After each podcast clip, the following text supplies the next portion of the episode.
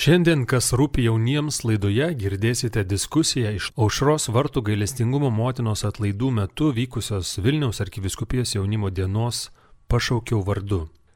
Teminis užsiemimas diskusija vadinosi, kad neatsibostų laukti. Apie tai, ar laikas iki įsipareigojimo gali tapti nedesperatišku laukimu, bet dovana. Kaip būti sveikame santykėje su savimi ir kitais, kai dar nesu atradęs savo pašaukimo ar įsipareigojęs? Ką paprasto savo pašaukimo kelionėje galiu pradėti jau po šio pokalbio? Kviečiame klausytis. Sveiki visi, atvykę čia mūsų paklausyti ir susitikti su labai, labai garbingais svečiais, kurie atvyko su mumis pasidalinti savo patirtimis, savo asmeniniais pasidalymais, savo išgyvenimais. Tai kad neatsibostų laukti ir apie tą laukimą truputėlį daugiau šiandien pasikalbėsim su šitais žaviais žmonėmis. O kasgi jie yra, galbūt ne visiems pažįstami yra šitie žmonės. Tai pirmas man kairėje yra Linas Braukila, e, seminaristas, ateitininkas, baigęs politikos mokslus iš Marijampolės. Kairėje nuo Lino yra Giedrė Barčkutė kuri yra Vytauto didžiojo universiteto katalikų teologijos fakulteto projektinės veiklos koordinatorė ir labai svarbu, katalikiško aktyvaus laisvalaikio klubo Saltus įkūrėja. Gyvena Kaune. Ir Tomas Tečkauskas, kuris yra poetas, vertėjas, kalambūrų mėgėjas, tikiuosi, kad sulauksime bent vieno šį vakarą. Gerai, ir aš esu Gabrielė ir padėsiu šį vakarą mums visiems keturiems susikalbėti ir pasikalbėti ir galbūt netgi atsakyti kai kurios jums kylančius klausimus. Aš gal tiesiog taip išėlės ir pradėsiu, nes šalia manęs sėdi Linas, kaip jau ir minėjau. Linai, peržiūrėjusi tavo socialinę paskyrą Facebook'e, radau tokį įrašą ir tu esi pasakęs, kad išmokus kelti esminius klausimus, ima atsiverti atsakymai ir atsakymų horizontai. Tai gal tu gali, Linai, daugiau pakomentuoti apie, apie savo kelią iki, iki, iki šito e, rūbo ir kaip tie tiksliniai esminiai klausimai tau padėjo. Galbūt e, kokie nors žmonės uždavė tau lemtingus klausimus, ar galbūt tu pats uždavėjai savo lemtingus klausimus. Ačiū. Aš nežinau, kiek giliai buvo skrolinta, nes čia matyti jau buvo gilesnė praeitis. Negalėčiau pakomentuoti gal tos jau frazės, reikėtų skambinti praeities linui, bet mintis kaip, kaip ir visai aiški. Aš kažkodėl galvoju į tą klausimą atsakyti tuo būdu, kuriuo pasiruošiau, arba uh, sėdamas labiau gal su mūsų diskusijos pavadinimu, uh, kad nepavarktume laukti. Laukti du dalykai e, ir dvi atskiros mintys su tuo susijusios ir galbūt jos kažkaip susisies pačioj pabaigoje. Pirmoji mintis arba pirmas svarbus įvykis, pirmas svarbi detalė iš mano gyvenimo yra e, tokia pažink save programa, kurioje aš dalyvavau dar nuo tada, kai buvau vyresniųjų klasių moksleivis.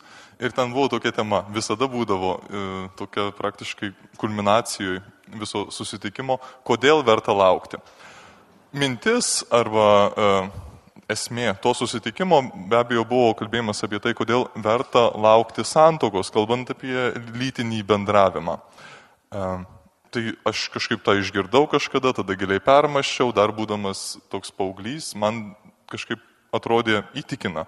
Aš taip ir norėčiau gyventi. Bet čia yra tik tai visiškai, sakytumėm, centriukas, ar ne? Arba viena tokia skandalinga mintis. Tai, kas yra mūsų mąstymo centre, mūsų laikų, mūsų kultūros mąstymo centre, lytiniai santykiai, kad jie vis tik tai yra skirti, skirti susidogusiam žmonėm. Gerai, o tada ką daryti su tuo toliau? Tuo pat metu atsirado, um, įsimylėjau, atsirado toksai daugmaž vad keistas, nebebrieštas santykis ir ačiū Dievui, iš karto daugmaž galėjau spręsti, ką man su tuo daryti. Kokį tiksliau turėčiau artumo lygį pasirinkti, kad su tuo žmogumu, su ta, būčiau teisingas, kad nežadėčiau jai daugiau nei, nei, nei ketinu duoti apie tai atsirado platesnis kažkoksai mąstymo laukas, jau susijęs turbūt su tam tikru vat, lūkesčiu arba laukimu. kuris iššaukė dar didesnį lauką apie tai, kodėl aš praradau ramybę. Nuo tada, kai įsimylėjau ir nuo tada, kai pradėjau sukt galvą, naktim susirašinėjant, bet dienom vis tiek svarstyti, kur visą tai veda. Kodėl aš tame praradau ramybę ir kur mano gyvenimo ramybė? 18 metų aš kėliau savo šitą klausimą. Kur dingo mano gyvenimo ramybė? Ir tai nėra normalu. Ir apie tai atsirado dar platesnis laukas. Ieškojimas, koks aš turėčiau tapti, kad galiausiai, kai jau ateis laikas su kažkuo bendrauti taip iš esmės, e, būčiau ne, ne tas toks atlaidų krakmolinis saldainis, kur visi vieni kitiems duoda dovanų, bet niekas jų nenori gauti tų dovanų. O labiau kaip kažkoksai tai, nežinau, e, šugamūro deserčiukas. Ne? Tai mąstymas apie laukimą, paprastu vienu konkrečiu atveju, ar ne, lytinio bendravimo mane išvedė į visai tokius gyvenimo platesnius svarstymus ir platesnius horizontus. Antra mintis, kuri su tuo susijusi, yra knyga. Dievo laukimas vadinasi. Tokia Simon Veil, ji buvo tarsi prancūzė, pavardė kaip ir vokiška. Yra sudaryta jos straipsnių rinktinė. Ir vienas tekstas yra būtent apie tai, kad svarbiausių dalykų gyvenime reikia ne ieškoti, o laukti. Kad svarbiausių dalykų gyvenime akivaizdoje, tokių kaip įkvėpimas, meninis įkvėpimas, kūrybinis įkvėpimas, mylimas žmogus, Dievas, mes esam tie, kurie esam išskiestom rankom, tai reiškia tie, kurie laukiam. Mūsų esminė užduotis yra ieškot, tai reiškia parengti save tam, kad gautumėm. Laukimas yra normali sveiko žmogaus situacija ir ji nesibaigia suradus kažką, ar ne? Tos knygos mintis yra būtent tokia. Ir man ji labai savita, kad laukimas yra normali žmogaus situacija. Tai laukt, man atrodo, ištisai yra e, normalu, kaip ir kelt klausimus, ar ne? Bet laukti neprailgsta, arba mes nepavargsim laukti tada, kai tikrai matysime, dėl ko tai verta daryti. Jeigu mes kalbam apie ieškojimą savo gyvenimo meilės, tai to verta daryti, nes tai yra sąlyga, man atrodo, tikros meilės. Ačiū. E, Linas jau truputį palėtė e, šitą temą apie laukimą, kad yra svarbiau neieškoti, bet laukti.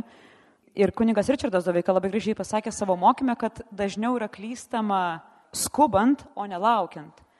Tai Tomai, tau norėčiau užduoti klausimą, ar ne, koks buvo tavo laukimas, sulaukimas kažko, ieškojimas gal netgi tas pats.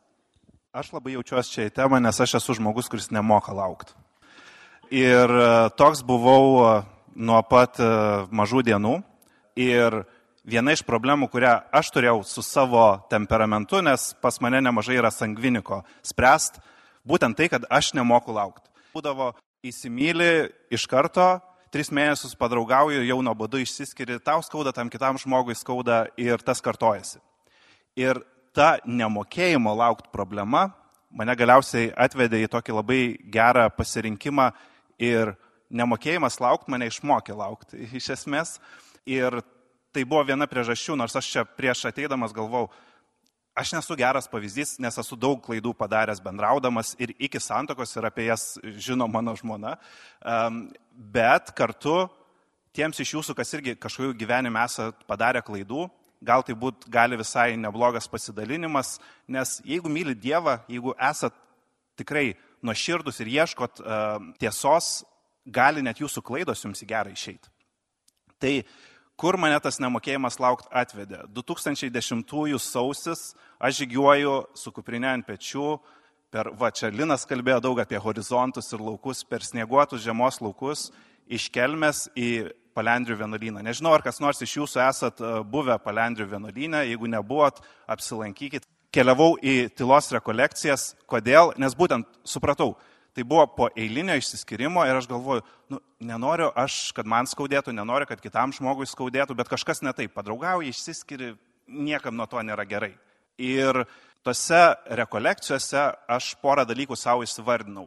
Pirmas dalykas įsivardinau, kokia mano problema. Mano problema, aš ieškau, kad mane mylėtų, ne pats kažką mylėtų. Kai aš įsimyliu, aš įsimyliu, nes man faina. Ir kai tu statai save į centrą, labai paradoksalus dalykas, tu negauni to, ko nori, tu negauni tos meilės, nes nu, tu netaip jos ieškai iš tiesų.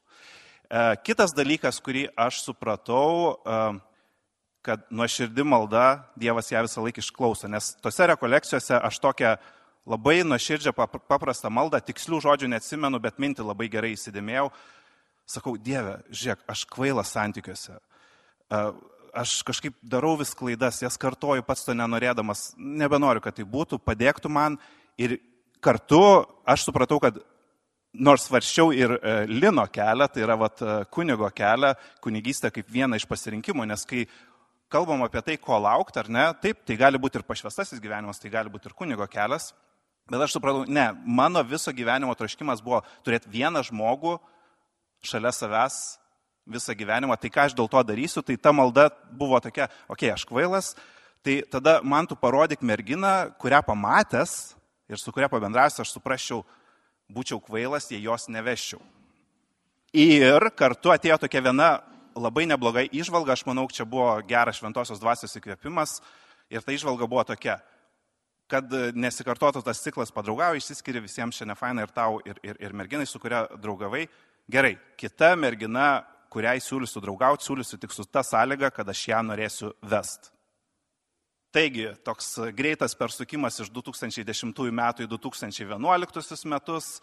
Aš su busimąją savo žmona bendraujam ten, žodžiu, ji man tik draugė, paskui prisipažįsta, kad mane įsimylėjus, aš baisiai išsigastų, atsitraukiu ir tada ilgai, ilgai mastau ir rašau jai tokius laiškus, kuriuos įteiksiu tik tada, jeigu nuspręsiu, kad noriu su ją draugauti. Tada aš pasiūliau jai draugauti, praeina dvi savaitės mūsų bendravimo ir pasiūlau jai tapti mano žmona. Dabar mes vedė devynerius metus, tai čia nėra toks keistas dalykas e, ir nėra toks nesėkmingas dalykas, kaip atrodo. Koks normalus žmogus gali pasipiršti po dviejų savaičių, aš neįsivaizduoju. Bet kai tau yra viskas aišku, gal ir neblogas toks sprendimas. Ir žinoma, man reikėjo palaukti dar vienerius metus su trupučiu, kol ji pasakė taip ir 2012 mes e, susitokėm. Tai, tai va tokia trumpa būtų ta istorija apie tai, kad laukt verta ir kartais kitas priverčia tave laukti. Čia Tomai. E, Tomas kalbėjo apie aiškumą, ne, kad kartais būna labai labai aišku ir nėra ko laukti, kai viskas aišku. Gedrė, gal tu gali truputėlį pasidalinti, kaip tavo gyvenime yra su aiškumu? tai e, čia mes turim šį vakarą žmogų, kuris ruošiasi kunigystai, taip pat žmogų, kuris turi šeimą tai man likimas lėmė atstovauti tą liūdnąją katalikų populacijos dalį, kuri vis dar laukia. tai va, ir kai mane pakvietė čia dalyvauti ir kai pasakė, kokia bus tema, ir kažkaip aš labai taip į tą laukimą, sakyčiau, gal neigiamai sureagavau ir kažkaip pradėjau mąstyti apie tą pačią savoką. Ir vis dėlto, kai pagalvoju, tai laukimas yra labai normali žmogaus būseną, mes ją nuolat patiriame, mes iš jos kažkaip nedarom problemų, mes laukiam troleibuso, laukiam vasaros atostogų, kalėdų ir yra viskas labai normalu. Mes tą laukimą priemam, kartais gal nekantraujam, kartais norėtume, kad greičiau dalykai įvyktų, bet iš esmės tai yra mums labai, na, kažkokia suprantama patirtis. Ir vis dėlto, kas čia šį vakarą vyksta, tai turbūt mes bandome kalbėti apie tai, kada tai pradeda darytis nebe visai suprantama ir ko, kokio pobūdžio tas laukimas. Ir gal čia mes kalbam nebe apie laukimą, bet apie užsilaukimą, kai žmogus pasijunta užsilaukęs. Ir tada kas, kokios yra priežastis, to gal norėtų šį vakarą kažkaip kalbėtis. E, ar mano vidinės, ar kažkoks išorinis spaudimas, ar gal mes kažkokių baimių pilni, kad tas dalykas, kurio laukime, galbūt aplinka kažkaip mums sufleruoja, kad nėra viskas taip paprasta. Netgi kalbant apie šeimą, mes matom daugybę skirybų, daugybę nelaimingų santykių, daugybę vienišumo šeimose, ar ne? Ir tada atrodo, ar, ar tikrai čia ta išsvajota, žadėta laimė bus.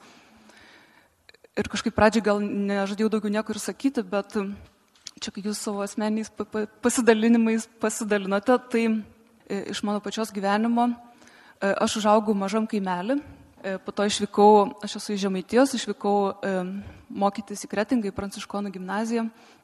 Mama mus išsiuntė geresnę mokyklą, mes per savaitę gyvendom bendrabutėje mokyklos, esam, po to savaitgalį grįždom namo.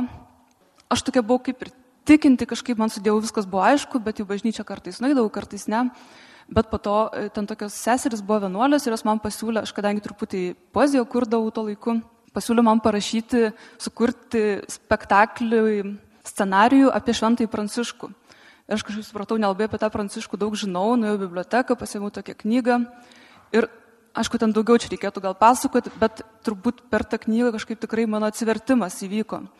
Man buvo 17, aš ten savo bendrabučio kamparėlį, sesės mėgodavo, aš ten naktimis tą knygą skaitydavau, žlimbiau po panklodę pasilindus ir tai buvo tokia didžiulė Dievo meilės patirtis.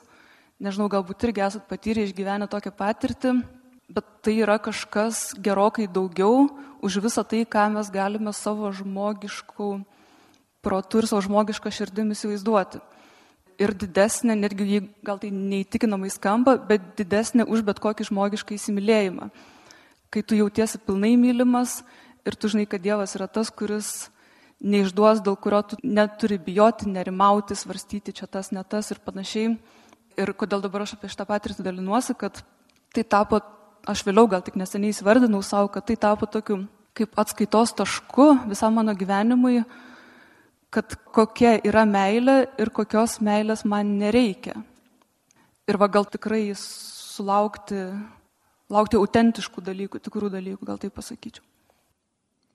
Gerai, truputėlį Ne, minėjote, kad prasukam tuos metus, devynis metus, e, vienerius metus, tai dabar aš truputėlį atsuksiu, paprašysiu atsukti plokštelę atgal, ar ne, ir pasvarstyti apie tokius, e, na, kelis klausimus, ar ne, ir vienas klausimas, gal iš tiesų, Tomai, tau pirmiausia norėčiau jį užduoti.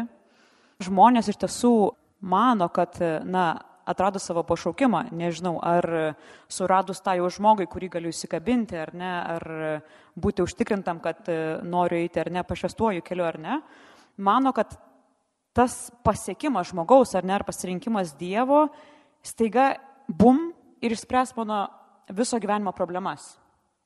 Gal tu gali pasidalinti savo nuomonę, kas nutinka arba kas nutiktų, jeigu žmogus taip galvotų, ne, kai, koks yra tas procesas ir ne, kas nutinka, jeigu žmogus laikosi tos nuostatos, kad tik suradę žmogų, mano visos, e, nežinau, psichologinės, dvasinės, e, emocinės problemos išsispręs.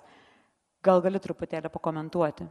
Tokiam žmogui patarčiau uh, Valerio Albisetį knygą, bet kurią iš jų aš pats skaičiau savo uh, sužadėtuvių laikotarpį, nes leitmotyvai tai autoriaus kartojasi, jis yra italų psichoterapeutas ir daug kalba būtent apie tą uh, mąstymą ir kad kiti gali man padėti išspręsti e, savo problemas.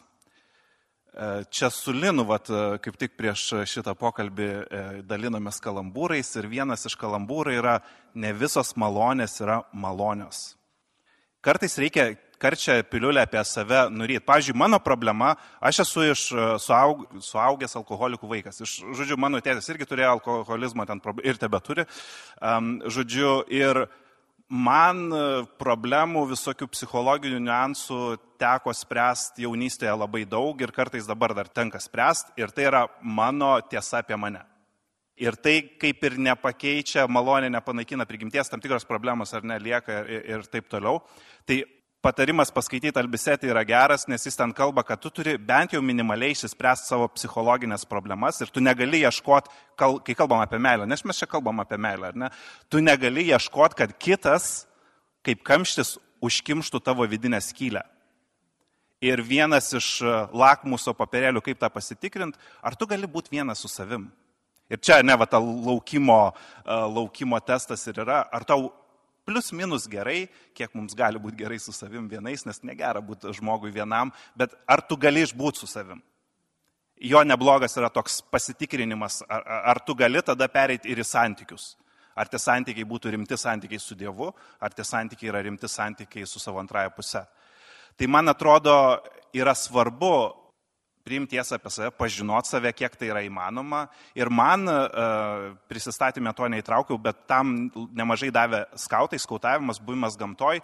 Tas metodas yra unikalus tuo, kad tu realiai tiesiog būni gamtoj, gamini maistą, darai kažkokias instaliacijas, žaidimus, organizuoji vaikams ir taip toliau bet tu tikrai turi daug laiko su savim ir tu matai savo trūkumus, visokius, kaip tu reaguoji, tu negali pasislėpti, kaip mes galim pasislėpti dabar už savo telefoną, už Netflixą, už dar šiugamūrą, dar kažką, už kažkokiu bendravimu, tu nemažai pra, praleidi vienas. Ir vienas, iš tiesų, tu nesi vienas, tu esi dažniausiai akivaizdoj su savimi ir Dievu. Ir tai toks būtų tas mano ne visai sistemiškas atsakymas, kad tikrai labai svarbu save pažinti. Ir tada, tada šiaip Dievas tikrai labai padeda spręstas problemas. Aš kaip pagalvoju, ir kartais mes su žmonės apie šitą labai atvirai pasikalbam, iš kokios aš esu šeimos ir koks aš dabar esu, ir koks aš buvau studijų metų pradžioje, oi tu Dieve, koks keistuolis, jeigu kažkas mane tuo metu būtų, čia, aš čia net negalėčiau taip kalbėti, kaip dabar kalbu, bet čia atskiria tema, žinoma, aš sakyčiau visai išaugau į žmogų, kokiu norėčiau būti. Tam irgi laikia, reikia laiko, kryptingų pastangų, Dievas tikrai padeda, bet ir, ir, ir savo indėlį tu turi su savim dirbti, kaip tam palyginime apie talentus, kur neseniai buvo skaitinėse, ne, tu turi investuoti, tu turi ten tą pinigėlį kalt gerai. Ačiū. Uh, Linai, tau turiu klausimą. Mm, tęsiant tai jau šitą mintį, kurią pradėjo Tomas truputėlį, vėlgi grįšiu prie socialinių tinklų, kaip matot, daug praleidau laiko analizuodama. Uh, Tu esi, tu esi užrašęs e, pačioje savo profilio pradžioje, kad esi keliautojas.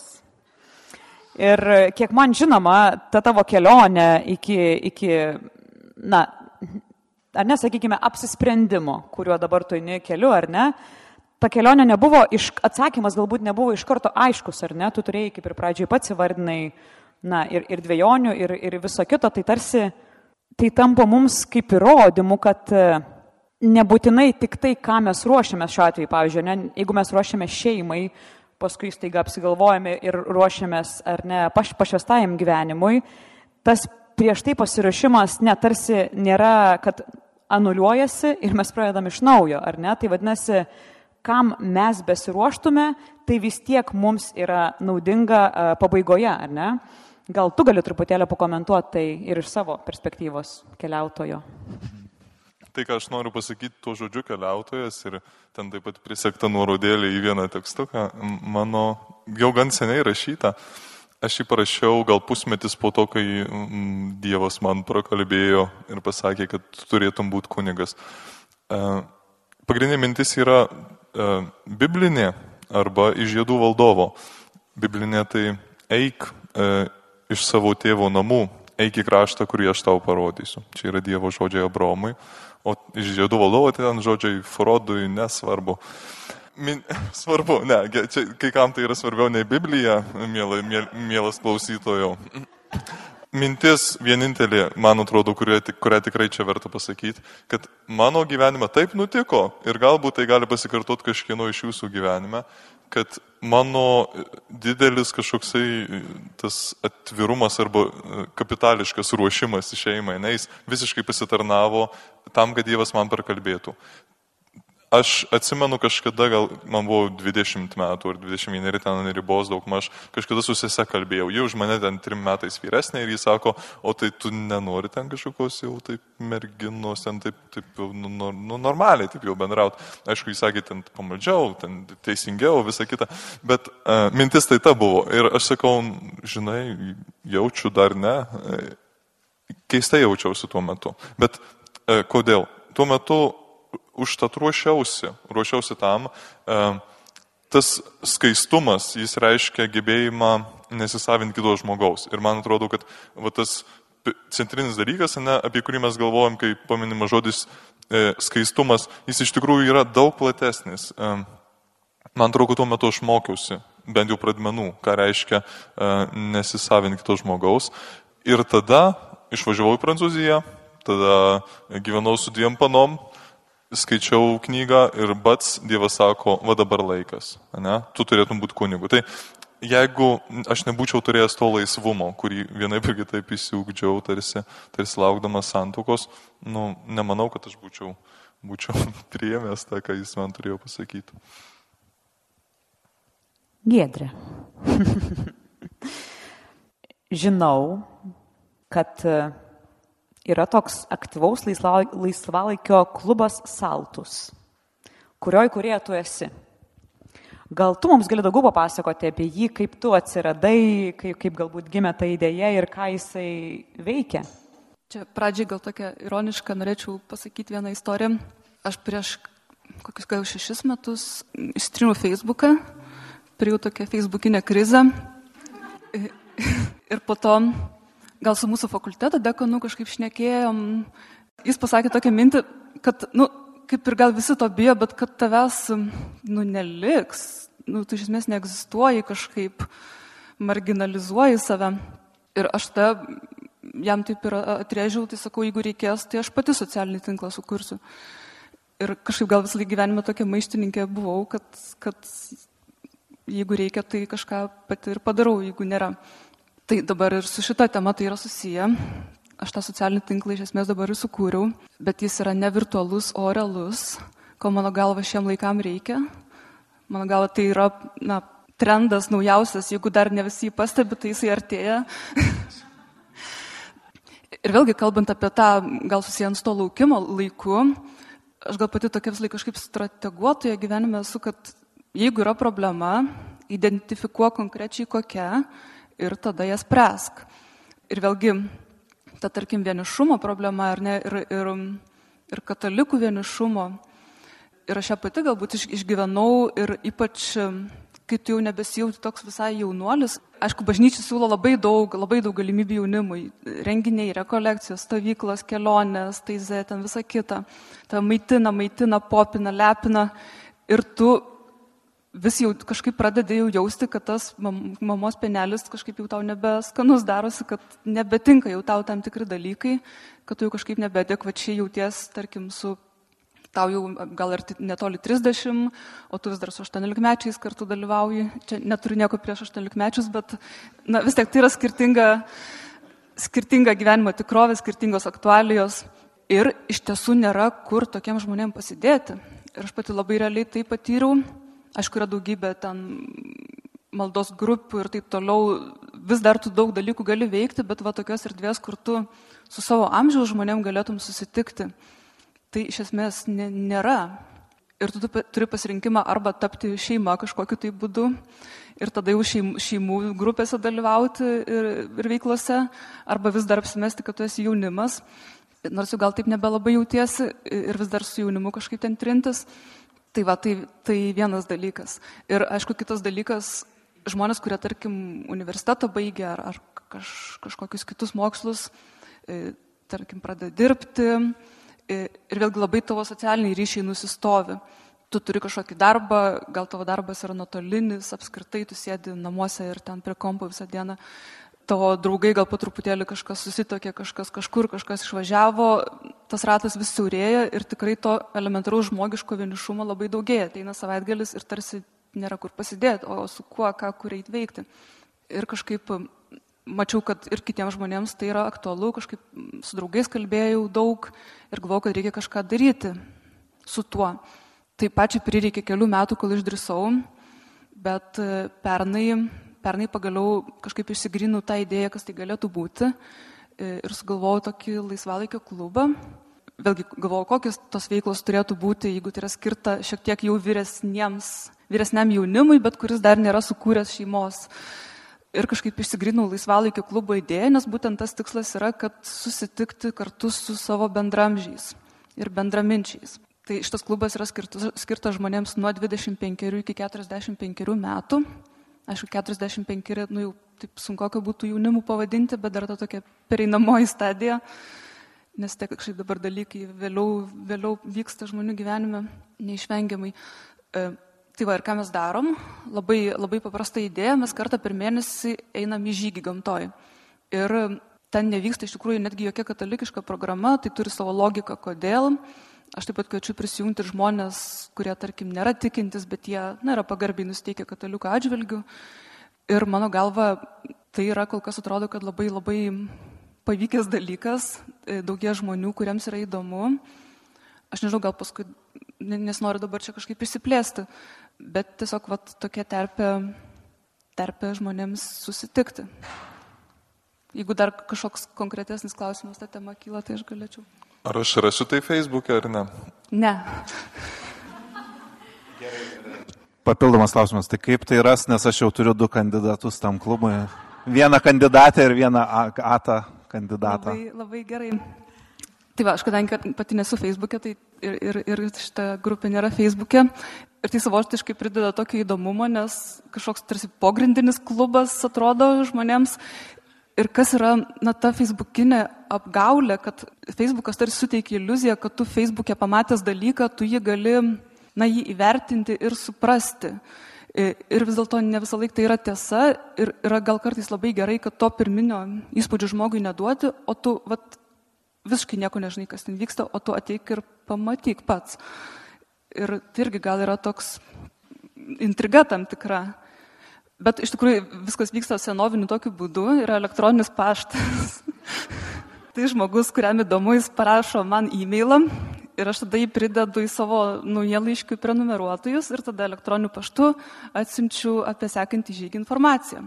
Ir dabar idėjos ten jų daugėja, tai dabar naujaus, naujausia mintis kilo, kad, kad ne vien žygiai, bet ir švesim tam tikras šventes kartu su klubu, ypač tas šventes, kur bet tie vieniši žmonės, jie dažniausiai neturi kur pasidėti ir tai būna tokios vienišumo, vienišumo šventės, kaip pavyzdžiui Valentino diena, naujieji metai. Galima sąrašą dar pratesti. Tai va, e, aišku, e, va, sausio mėnesį ir savaitgalį esam suplanavę šiek tiek tokia jau rekolekcijų programos, kad tas klubas vis dar, nu, jis išliktų kažkokiu būdu katalikiškas, kad ne vien pavadinimas būtų toks. Tai va.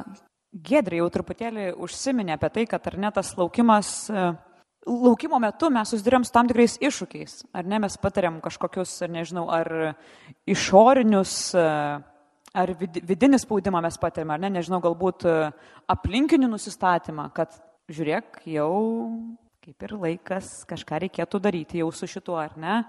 Nežinau, tai tik vienas iš pavyzdžių, bet gal Tomai, tu gali pasidalinti, su kokiais iššūkiais tu susidūrė tame laukime, galbūt vienu ar keliais, nu, kurie galbūt apsunkino tą patį ar ne pas, pasirinkimo kažkokį ar, ar patį laukimą.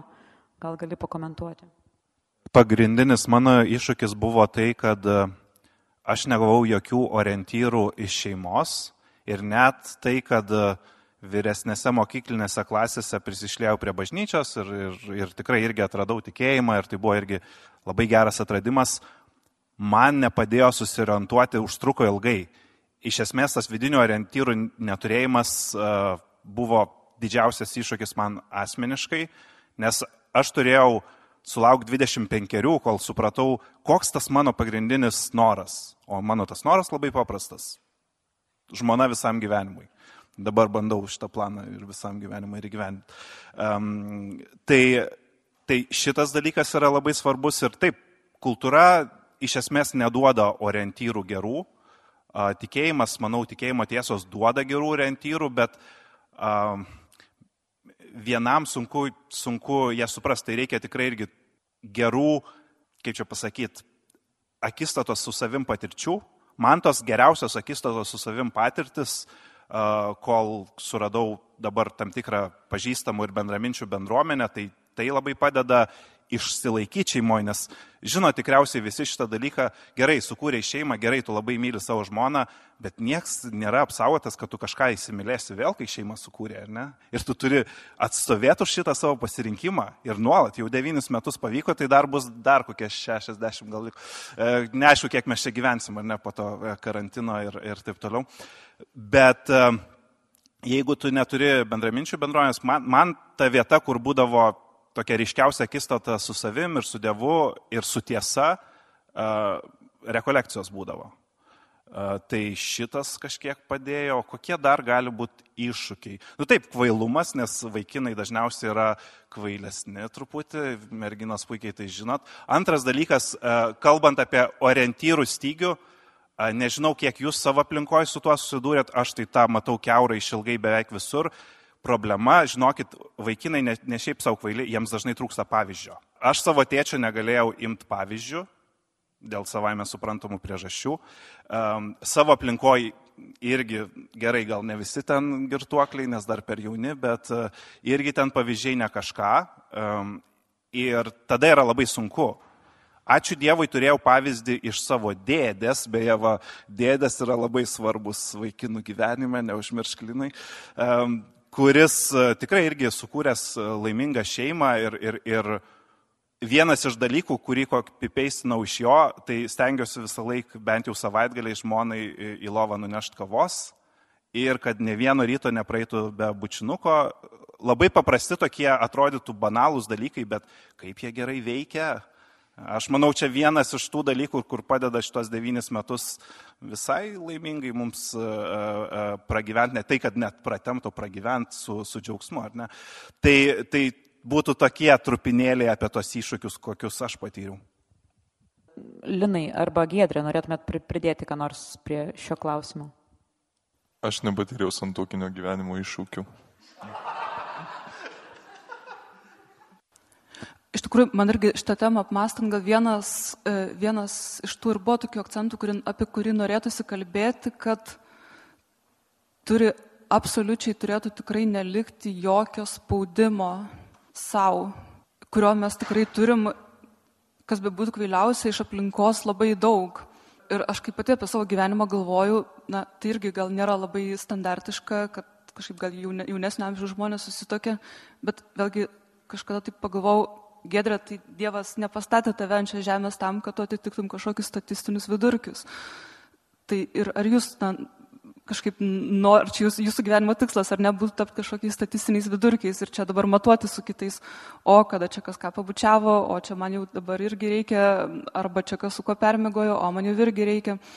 Ir jeigu aš tokioje aplinkoje gyvenu, tada ką daryti? Tarkim, jeigu tai yra aplinka, kurios aš negaliu keisti, tada tiesiog gal reikia ieškoti kažkokių alternatyvių aplinkų, kurioje aš galėčiau būti labiau savim, labiau autentiškas ir be tokių, na, kvailų spaudimų jeigu aš galiu kažkaip save patraukti iš tos aplinkos, gal taip ir reikėtų tada padaryti. Ir tam tikrą prasme, netgi ir šita liberalioji dabar kultūra, jinai kartais gerus dalykus kalba, jinai sako, niekas tavęs na, neturėtų versti nieko daryti. Bet tada liberalizmas, tarkim, sustoja šitoje vietoje ir sako, tu esi tas, kuris sprendžia, ką, ką ir kaip, ir kad ką tu be nuspręsi, viskas bus gerai. Krikščionybė eina žingsniu toliau ir sako, vis dėlto, na, tu pats esi nuodėmingas, trapus ir jeigu tu save galutiniu matu dalykų ir vertybių pasidarai, kartais susimauni. Ir kas galėtų būti tas aukštesnis mano matas, tas, tas, ta nejudanti atrama, į kurią aš galiu remtis. Ir Dievas mūsų atžvilgių tikinčių žmonių labai na, patikima atrama. Ir tada, jeigu aš kažkaip į Dievą remiuosi, tada tie visi kiti dalykai pradeda subirėti, man kažkaip influencerių įtakos mano gyvenimui nebedaro kažkokie moterų žurnalai, nes aš jau turiu tą savo didžiausią ir patikimiausią influencerį ir man daugiau nebereikia. Tai gal kažkaip šit, šitas klausimas atrodo svarbus. Aš pasinaudojau šiuo duotų laiku ir vieną mintį turiu. Man atrodo, didžiausias pavojus arba didžiausias iššūkis yra um, pamanyti arba pripažinti, kad vis tik tai nėra ko laukti nu, koks yra, kodėl, pavyzdžiui, aš esu vertas pajokos, o koksai nors mano amžiaus visiškai laisvo būdo jaunuolis, bet vad grinai, vad mano išvaizdus ar ne, kodėl jis būtų šaunuolis. Kodėl? Nes iš manęs galima pasišaipyti.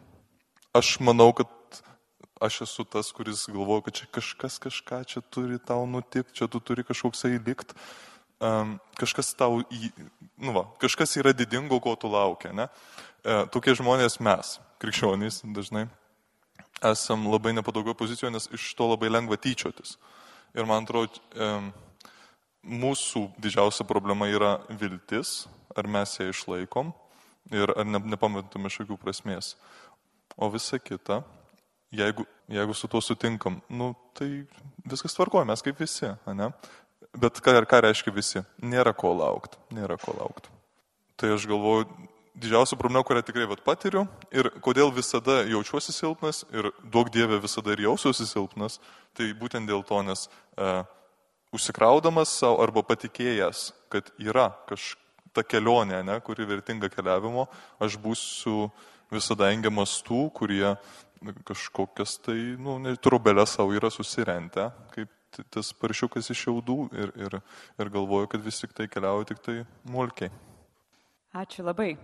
Dar kadangi matau jau labai, labai man akis rėžianti lapelį, jau mačiau prieš 10 minučių, kad liko 3 minutės, Tai galvoju, nu vis tiek, ar nereikėtų sudaryti tą mano pažadėtą, pažadėtą galimybę užduoti klausimą. Tai gal turėtume dar laiko keliems klausimams, gal yra kas norėtų užduoti mūsų pašnekovams kokį nors aktualų dominantį klausimą. Prašau. Noriu truputį, kad taip provokuoti, mes čia kalbam taip apie tą e, laukimą, žinot, e, ir va jau net ir buvo paminėtas tas laukimas, kurį jau atrodo, nu nebeskanu jau yra laukti ir tu pats e, galbūt nebepatogiai pradedi jaustis ir kiti dalykai. Ir kažkągi reikia daryti su tuo, ar čia nais taip ims ir tas vyras, va, arba moteris ims ir nukris iš dangaus, va Dievas atves, ar ne?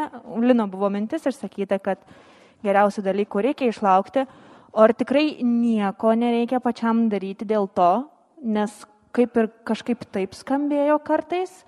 Ir kitas momentas, mes matom dabar, kad vis dėlto yra tas e, virtualus pasaulis. O kaip, pavyzdžiui, katalikui reikėtų žiūrėti į tą virtualų pasaulį ir galimybę susipažinti tenais? Aš, aš, jums, aš jums duosiu kažką protingo dar sugalvoti kelias sekundės, nes pats buvau nesąmonę sugalvojęs prie, iš anksto. Reikėtų žinoti, Tinderį reikėtų kelių skirtingų režimų. Turėtų būti kažkoks hardcore levelis, kur jeigu mečina, iškart turi susituokti. Ir ir tada, nežinau, pašaukimo silovadai galėtų dar pasitarnauti, jeigu ten, nežinau, e, kažkoks religinis paveiksliukas cirkuliuotų, kai tai reiškia, kad tau reikia eiti į seminariją. Tai aš manau, ane, kad kur yra problema turbūt žmonės, tarkim, Tinderį naudoja, pats stengiuosi kalbinti žmonės, kaip tai veikia, kodėl, kodėl, kaip į tai reikia žiūrėti. Nu, jie, hmm, nusiteikimas, su kuriuo, man atrodo, mes einam, yra truputį kitas nei, nei tas, su, su kuriuo jie jungia tą appsą. Tai todėl ten reikia papildomo režimo. Apie Tinderį, e, tai nuo kurios minties pradėti. Žodžiu, turim bičiulį, kuris ten susirado žmoną, jie du laimingai gyvena jau keliarius metus, antro vaiko laukėsi.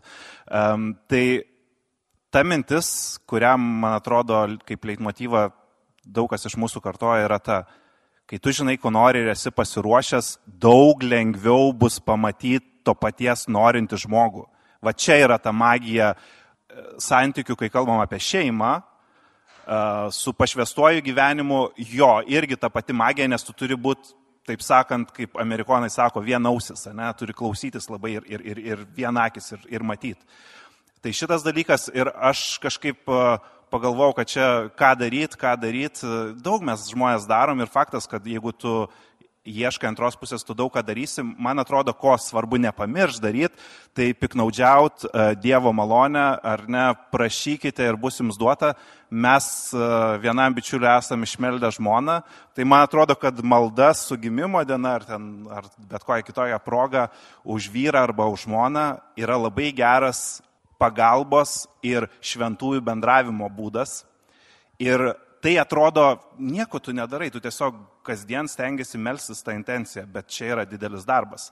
Kadangi vis tiek mes dabar žmonės kaip tik turim tą fokusą, vat, ką galim mes padaryti, ką konkrečiai galim nuveikti, kur ten parašyti, kam nors ką ten suvesti ir taip toliau. Viskas gerai, reikia tai daryti, bet, bet labai svarbu nepamiršti ir maldos veiklos, kuri yra netokia matoma. Aš irgi noriu pasakyti, aš tai esu ko gero darimo šalininkė, e, bet vėlgi prieš kažką darant, tada vėl tas mano anksčiau minėta mintis, kad identifikuoti problemą. Jeigu problema yra, įtariu, kad manyje, tam, gal bendravimo problemas, kažkas, tada tikrai daryti, spręsti. Jeigu problema yra aplinkybėse, tarkim, gyvenu vienkėmi ir dirbu nuotoliniu būdu, nu neatsiras tas vyras ar ta žmona, nu gal atsiras, bet žodžiu, Ir tada apskritai aš keliu klausimą dėl bendros bažnyčios ekosistemos. Jeigu tikrai tiek daug žmonių patiria iššūkius, na, susirandant antrą pusę, aš taip įtariu, kad vis dėlto merginoms čia daugiau iššūkių kyla, tai kas yra su mūsų ekosistema ne taip tada. Ir tada tą globalų tokį vaizdą turėti. Ir vėlgi ir tas mano klubas yra bandymas tą problemą spręsti jau tokiu, na, platesniu lygmeniu, ar ne, kad duoti erdvę žmonėms susitikti, duoti erdvę tiems, kurie gal nėra, na, yra sekmadieniniai, tik katalikai niekur nedalyvauja, bet į žygį jiems ir ateis, na, kažkaip arba atsives kažkokius netikinčius draugus. Tai aš, už tai, kad tikrai daryti, bet ir vėlgi, ai, dar viena mintis um, apie skaistumą, kažkaip grįžtant prie tos temos, aš tokią gražią mintį girdėjau ir labai ją kažkaip nešiojus ir savo primenu, tai buvo pasakyta, kad skaistumas yra realybės neprievartavimas kad tas darimas vat neturėtų tapti tuo prievartavimu, kad na, nėra šiuo metu aplinkybių arba aš jau tada kažkas nu, nuodėmę, į kompromisą einu galbūt. Nu, būna atveju, moteris iš desperacijos ten kuniga ištraukia iš, iš kunigystės, su, suvedusiais vyrais dalykai prasideda. Ir tikrai žmogus, na, yra krizai, kažkaip labai užjaučiu, jeigu žmogus jau iki to taško atėjo, kad aš iš tos savo desperacijos ir skausmo darysiu jau bet ką. Tai yra labai baisu, tai va, tokio darimo tikrai niekam nelinkiu. Dėkui labai už klausimą, ačiū už atsakymus. Ir gal jau suprantu, mes turim tikrai ateiti į pabaigą. Tai gal tada taip staigiai po vieną, po vieną pasiūlymą, ką mes visi čia sėdintis galim atsistoję nuo savo gėdžių dar šiandien, gal rytoj, gal savaitės metu padaryti, kad tas laukimas taptų smagesnis, greitesnis, įdomesnis, lengvesnis? Ačiū už lengvą klausimą.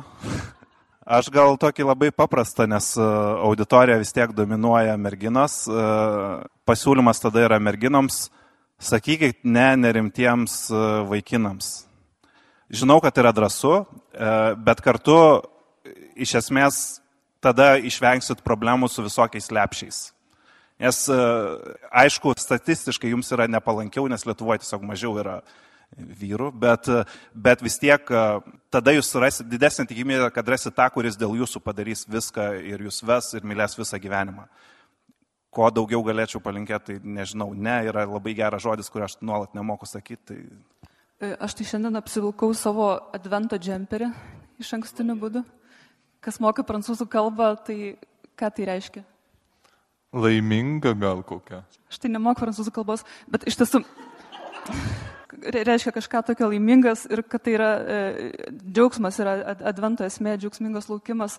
Ir irgi einant į tą adventą, mano linkėjimas būtų na, to džiaugsmingo laukimo ir netgi ir tą savo identifikuotą galbūt problemą arba savo arba bažnyčios kažkaip ją džiaugsmingai mėginti spręsti. O šiaip kviečiu ateiti į mano klubą, kam aktualu. E, tik nežinau, šiaip paskui galite prieiti duos e-mailą, nes kitaip kol kas neišeina. tai va, ačiū. Pažiūrėkite į savo e, ištiestą, išskiestą delną. Ir, ir, ir va, tiek jau laiko pažiūrėję, turėtumėte atsiminti dar kada nors gyvenime, kad svarbiausius dalykus žmogus priima, ką jis gali padaryti, tai išties pirštus. Ačiū labai tikrai e, mūsų pašnekovams ir tada dar kartelį kviečiu paploti ir padėkoti Tomui, Giedrei ir Linui.